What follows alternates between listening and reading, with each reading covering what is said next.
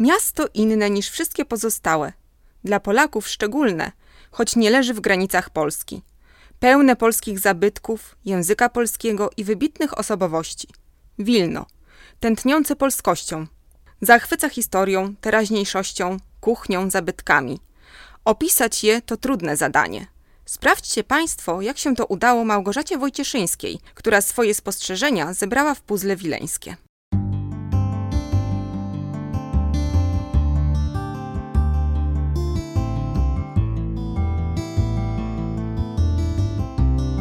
To jest podcast Klubu Polskiego.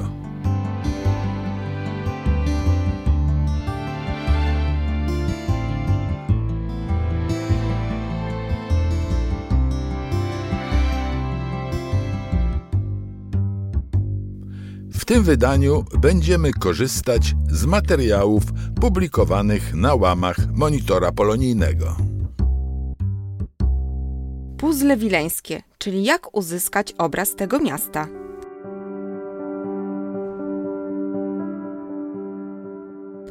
Och, moja mama stamtąd pochodzi. Tam są moje korzenie, więc chętnie przeczytam twój artykuł, bo nigdy tam nie byłam.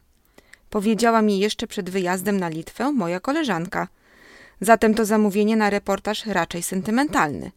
Inni podpowiadali, co koniecznie powinnam zwiedzić, bym potem mogła przedstawić atrakcje turystyczne.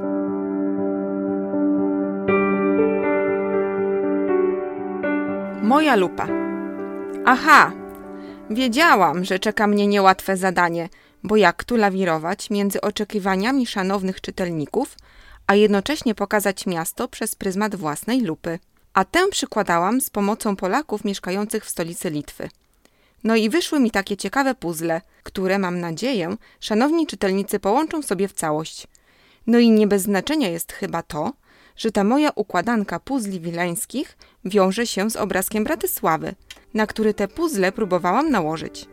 Okazuje się, że w niektórych miejscach nawet pasują.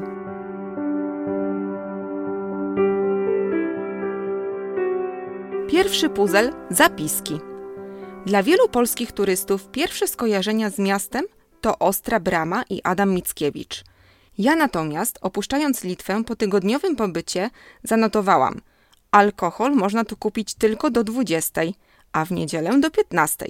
Jako przekąskę do piwa w lokalach serwują świńskie uszy. Za komuny z jednego z piękniejszych kościołów w centrum Wilna zrobiono Muzeum Ateizmu. Na przestrzeni ponurych lat nieprzyjaznych reżimów Rosjanie zlikwidowali tu wiele cennych zabytków, ale i tak stolica Litwy zachwyca. Sporo ludzi mówi tu po polsku. To takie puzzle, które wyjęłam pospiesznie z pudełka. Teraz spróbuję poszukać innych elementów do nich pasujących.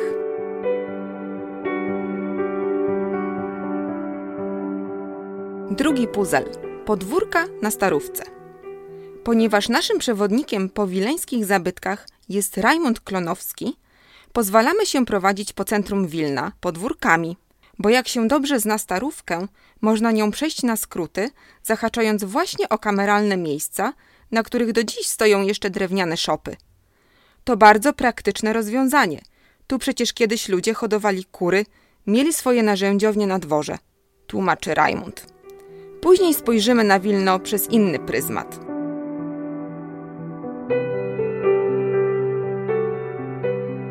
Trzeci puzzle. W Wilnie po polsku. To miasto jest kolebką narodu polskiego. Przekonuje Rajmund i wraca do czasów, kiedy Wilno było stolicą Wielkiego Księstwa Litewskiego w ramach Rzeczpospolitej Obojga Narodów. Tutaj mówiło się i pisało po polsku w odróżnieniu od korony, gdzie do czasów Sejmu Czteroletniego posługiwano się łaciną. Opisuje i w ten sposób wyjaśnia, dlaczego właśnie na Litwie powstawała w tamtych czasach polska literatura. W Wilnie rozkwitali Adam Mickiewicz i Juliusz Słowacki. Pan Tadeusz to nie tylko epos narodowy, czy wyraz nostalgii wieszcza za krainą utraconego dzieciństwa, z której musiał wyjechać, wygoniony przez rosyjskich okupantów, ale to przede wszystkim manifest narodowy. Tłumaczy Rajmund i pokazuje, że świadomość narodowa Polaków budziła się w Wilnie. Tu miała też premierę pierwsza polska opera narodowa, dwuaktowa Halka Stanisława Moniuszki. Tu rozkwitała myśl techniczna, powstawały liczne ruchy narodowe, nurty intelektualne. Tutaj pracował Joachim Lelewel i wielu innych działaczy politycznych. Wiele tych wybitnych nazwisk zobaczymy także podczas zwiedzania cmentarza na Rossie, który obok cmentarzy Powiązkowskiego w Warszawie, Rakowickiego w Krakowie i Łyczakowskiego w Lwowie stanowi najważniejszą nekropolię dla polskiej historii i kultury. Centralne miejsce tego cmentarza zajmuje mauzoleum Matka i Serce Syna, w którym spoczywają szczątki matki Józefa Piłsudskiego, Marii Zbilewiczów-Piłsudskiej oraz urna z sercem marszałka.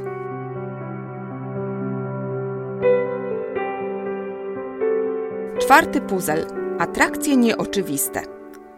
Pytam naszego przewodnika o atrakcje nietuzinkowe, na które być może nie wszyscy zwracają uwagę, planując zwiedzanie miasta. Rajmund poleca kościół Piotra i Pawła. Koniecznie trzeba go zwiedzić. Przez wielu uważany jest za najpiękniejszy na świecie – mówi z entuzjazmem. Z kolei na cmentarzu Piotra i Pawła trzeba zobaczyć kaplicę rodu Ogińskich. Tych Ogińskich od Poloneza. Według naszego przewodnika na uwagę zasługuje też Kalwaria. To miejsce tak jest nazwane, ponieważ swoją topografią przypomina oryginalne miejsce w Ziemi Świętej. Tu postawiono stację drogi krzyżowej. Jest kościół kalwaryjski, w którym odbywają się msze w języku polskim, podobnie jak w większości świątyń na Wileńszczyźnie opisuje Raimund. Bardzo oryginalna jest też część miasta po drugiej stronie willi. To dzielnica drewnianych willi. Naprawdę robi wrażenie. To kraina dworków i pałacyków, które można poznawać przez okrągły rok, twierdzi nasz przewodnik i poleca jeszcze wycieczkę na wieżę telewizyjną. Tak, tak, podobną do tej bratysławskiej, której talerz w ciągu godziny obraca się o 360 stopni, by goście mogli obejrzeć całą panoramę miasta i okolicy.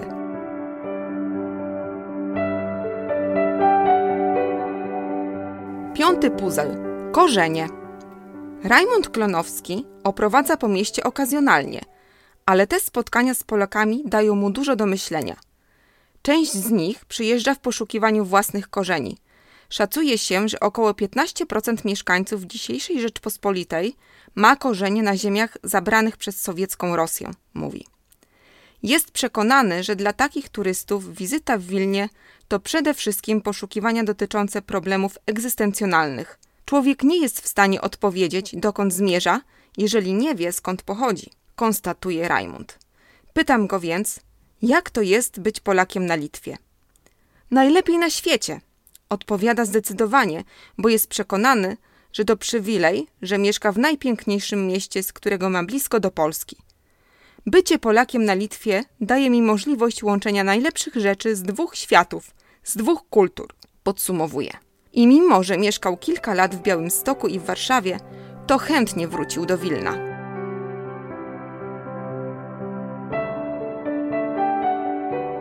Szósty puzzle. Wilno jako wioska.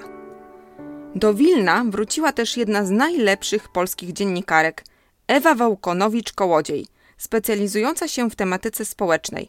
Publikuje w Gazecie Wyborczej, Wysokich Obcasach, dużym formacie. Jak tu nie kochać tego miasta, kiedy jadę z centrum trolejbusem do domu i po pięciu minutach jestem w lesie? Pokazuje swoje zdjęcie wśród zieleni. Po dziewiętnastu latach spędzonych w Polsce wróciła. Nie wie, czy na zawsze. Co się jednak tu ciągnęło? Zaczęła tęsknić już po dziesięciu latach spędzonych w Warszawie, którą najpierw odkrywała, zachłystywała się jej wielkością, różnorodnością i możliwościami, jakie daje. Tak jak pisał Miłosz w Dolinie Issy, im dalej się człowiek oddala od swoich korzeni, tym bardziej one ciągną go z powrotem. Mówi Ewa i tłumaczy, że chciała być bliżej przyrody, bliżej wsi, bo dla niej powrót z Warszawy do Wilna to jak powrót do małej wioski, gdzie się wszyscy znają. Wilno liczy około 550 tysięcy mieszkańców, podobnie jak Bratysława.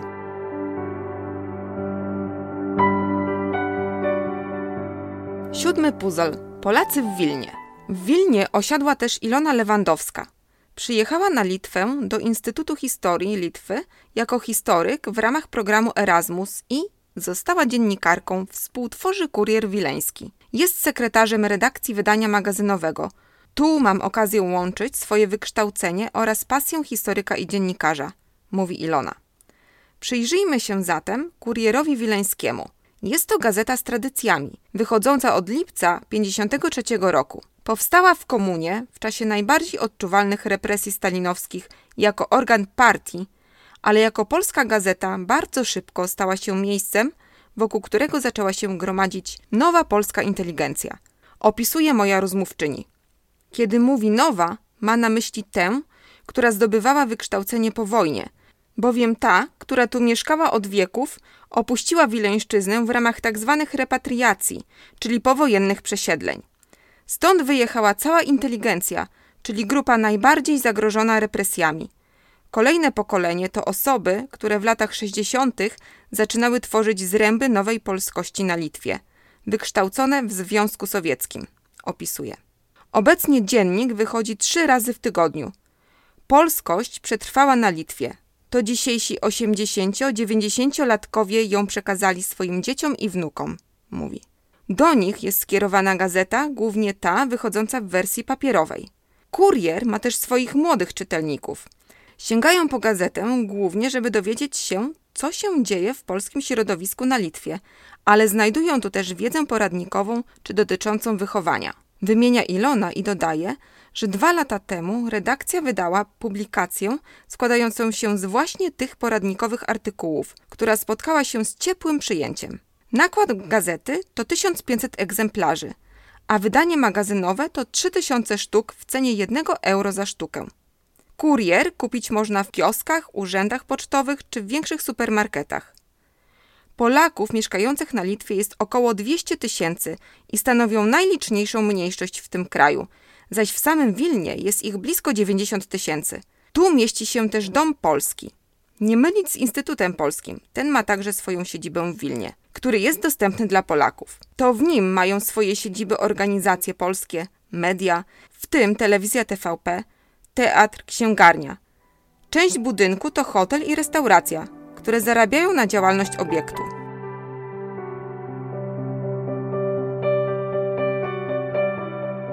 Ósmy puzzle Mickiewicz. Czekają Państwo na puzzle z napisem Mickiewicz? Mam go! Znalazłam. Spotkałam w Wilnie prawdziwego Mickiewicza. Tak, tak, Mickiewicza, z tych Mickiewiczów. Roman Górecki-Mickiewicz to pra-pra-prawnuk naszego wieszcza narodowego. Urodził się w Paryżu, gdzie nikt nie zdawał sobie sprawy, że jest on potomkiem tak ważnej dla Polaków postaci. Mało który Francuz wie, kim był Mickiewicz, a ja tego nie mam wypisanego na twarzy, opisuje Roman. Dopiero kiedy zamieszkał w Warszawie, niektórzy pytali o więzi rodzinne z poetą. Ludzie nie bardzo rozumieli, dlaczego jako potomek najbardziej znanego poety polskiego słabo mówią po polsku, wspomina, zręcznie posługując się językiem polskim z przepięknym francuskim akcentem. Po powstaniu listopadowym cała moja rodzina wyjechała z Litwy do Paryża. Opisuje i wyjaśnia, że jego dziadek nie mówił po polsku. Mały Roman, odwiedzając dziadków, sypiał w tym samym łóżku, co jego pra-pra-pradziadek, do czasu, kiedy po łóżko przyjechali Polacy, kompletujący pamiątki po poecie. To łóżko było własnością rodziny od chwili zamieszkania Adama Mickiewicza w Paryżu. Dziwiłem się wtedy, dlaczego zabierają moje łóżko. Czyżby w Polsce nie było łóżek? Wspomina dziecięcy sposób myślenia.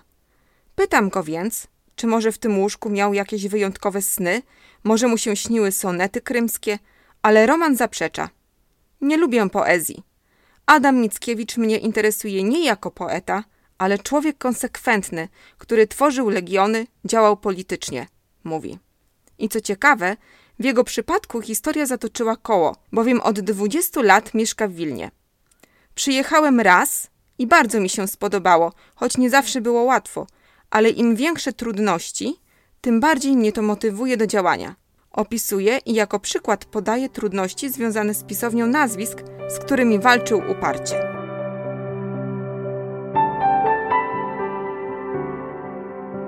Dziewiąty puzzle. Tradycyjna kuchnia. Cóż to byłaby za opowieść o Wilnie, gdyby zabrakło bardzo ważnego puzla, tego kulinarnego. Tu z pomocą przychodzi mi kolejna Polka mieszkająca w Wilnie, Elżbieta Monkiewicz, która prowadzi swoją kulinarną rubrykę w magazynie wileńskim, a wcześniej była redaktor naczelną najbardziej poczytnego litewskiego czasopisma kulinarnego. Napisała też kilka książek kucharskich, a jej konto na Instagramie obserwuje ponad 10 tysięcy osób. Pytam ją więc o tradycyjną kuchnię litewską. Turyści zazwyczaj szukają cepelinów, czyli tutejszych odpowiedników kartaczy czy pys. Zaczyna swą opowieść, uzupełniając ją kolejnymi specjałami: kiszką, babką ziemniaczaną i blinami. Gdy drążę temat kiszki, dowiaduję się, że ta litewska pełniona jest tartymi ziemniakami ze skwarkami i cebulką. To bardzo smaczne danie, ale bardzo sycące, mówi Elżbieta. Podobne spostrzeżenia mam podczas degustacji cepelinów. No a tutejsza babka ziemniaczana przypomina żydowski kugal, w którym oprócz ziemniaków mogą być jajka, mleko, a nawet mięso. Jeśli chodzi o dawną kuchnię, to gustowano tu przede wszystkim w dziczyźnie, zbożach, grzybach i rybach. Moja rozmówczyni podkreśla, że litewska kuchnia jest wielokulturowa.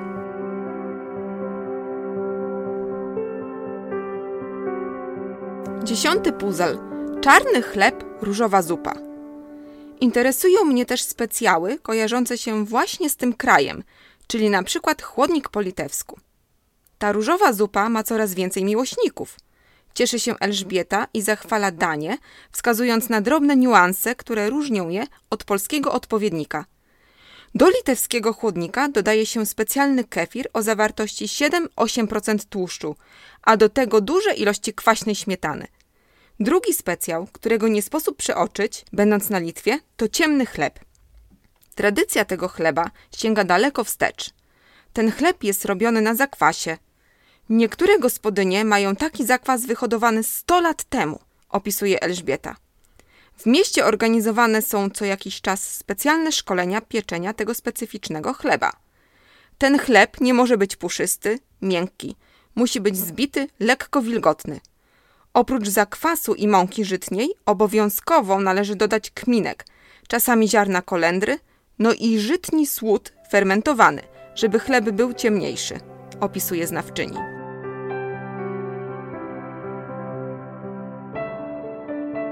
Dziesięć puzli ułożonych. Z pewnością to nie wszystkie części układanki, ale resztę pracy nad obrazem Wilna zostawiam szanownym czytelnikom, którzy są ciekawi tego miasta. No i nie ukrywam, że sama chętnie jeszcze się nim pobawię, jeśli uda mi się na Litwę powrócić i zebrać dodatkowe puzzle, bo przyznam szczerze, że mnie ta zabawa wciągnęła.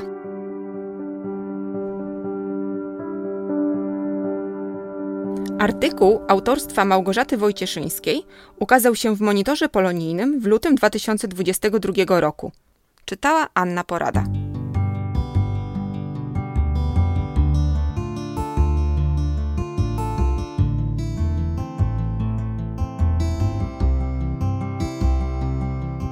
Ten tekst możecie Państwo przeczytać na stronie internetowej www.polonia.sk.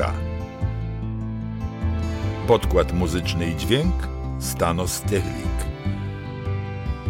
Podcast wyprodukował Klub Polski na Słowacji z finansowym wsparciem Funduszu Wspierającego Kulturę Mniejszości Narodowych. Zapraszamy na kolejne odcinki podcastów Klubu Polskiego.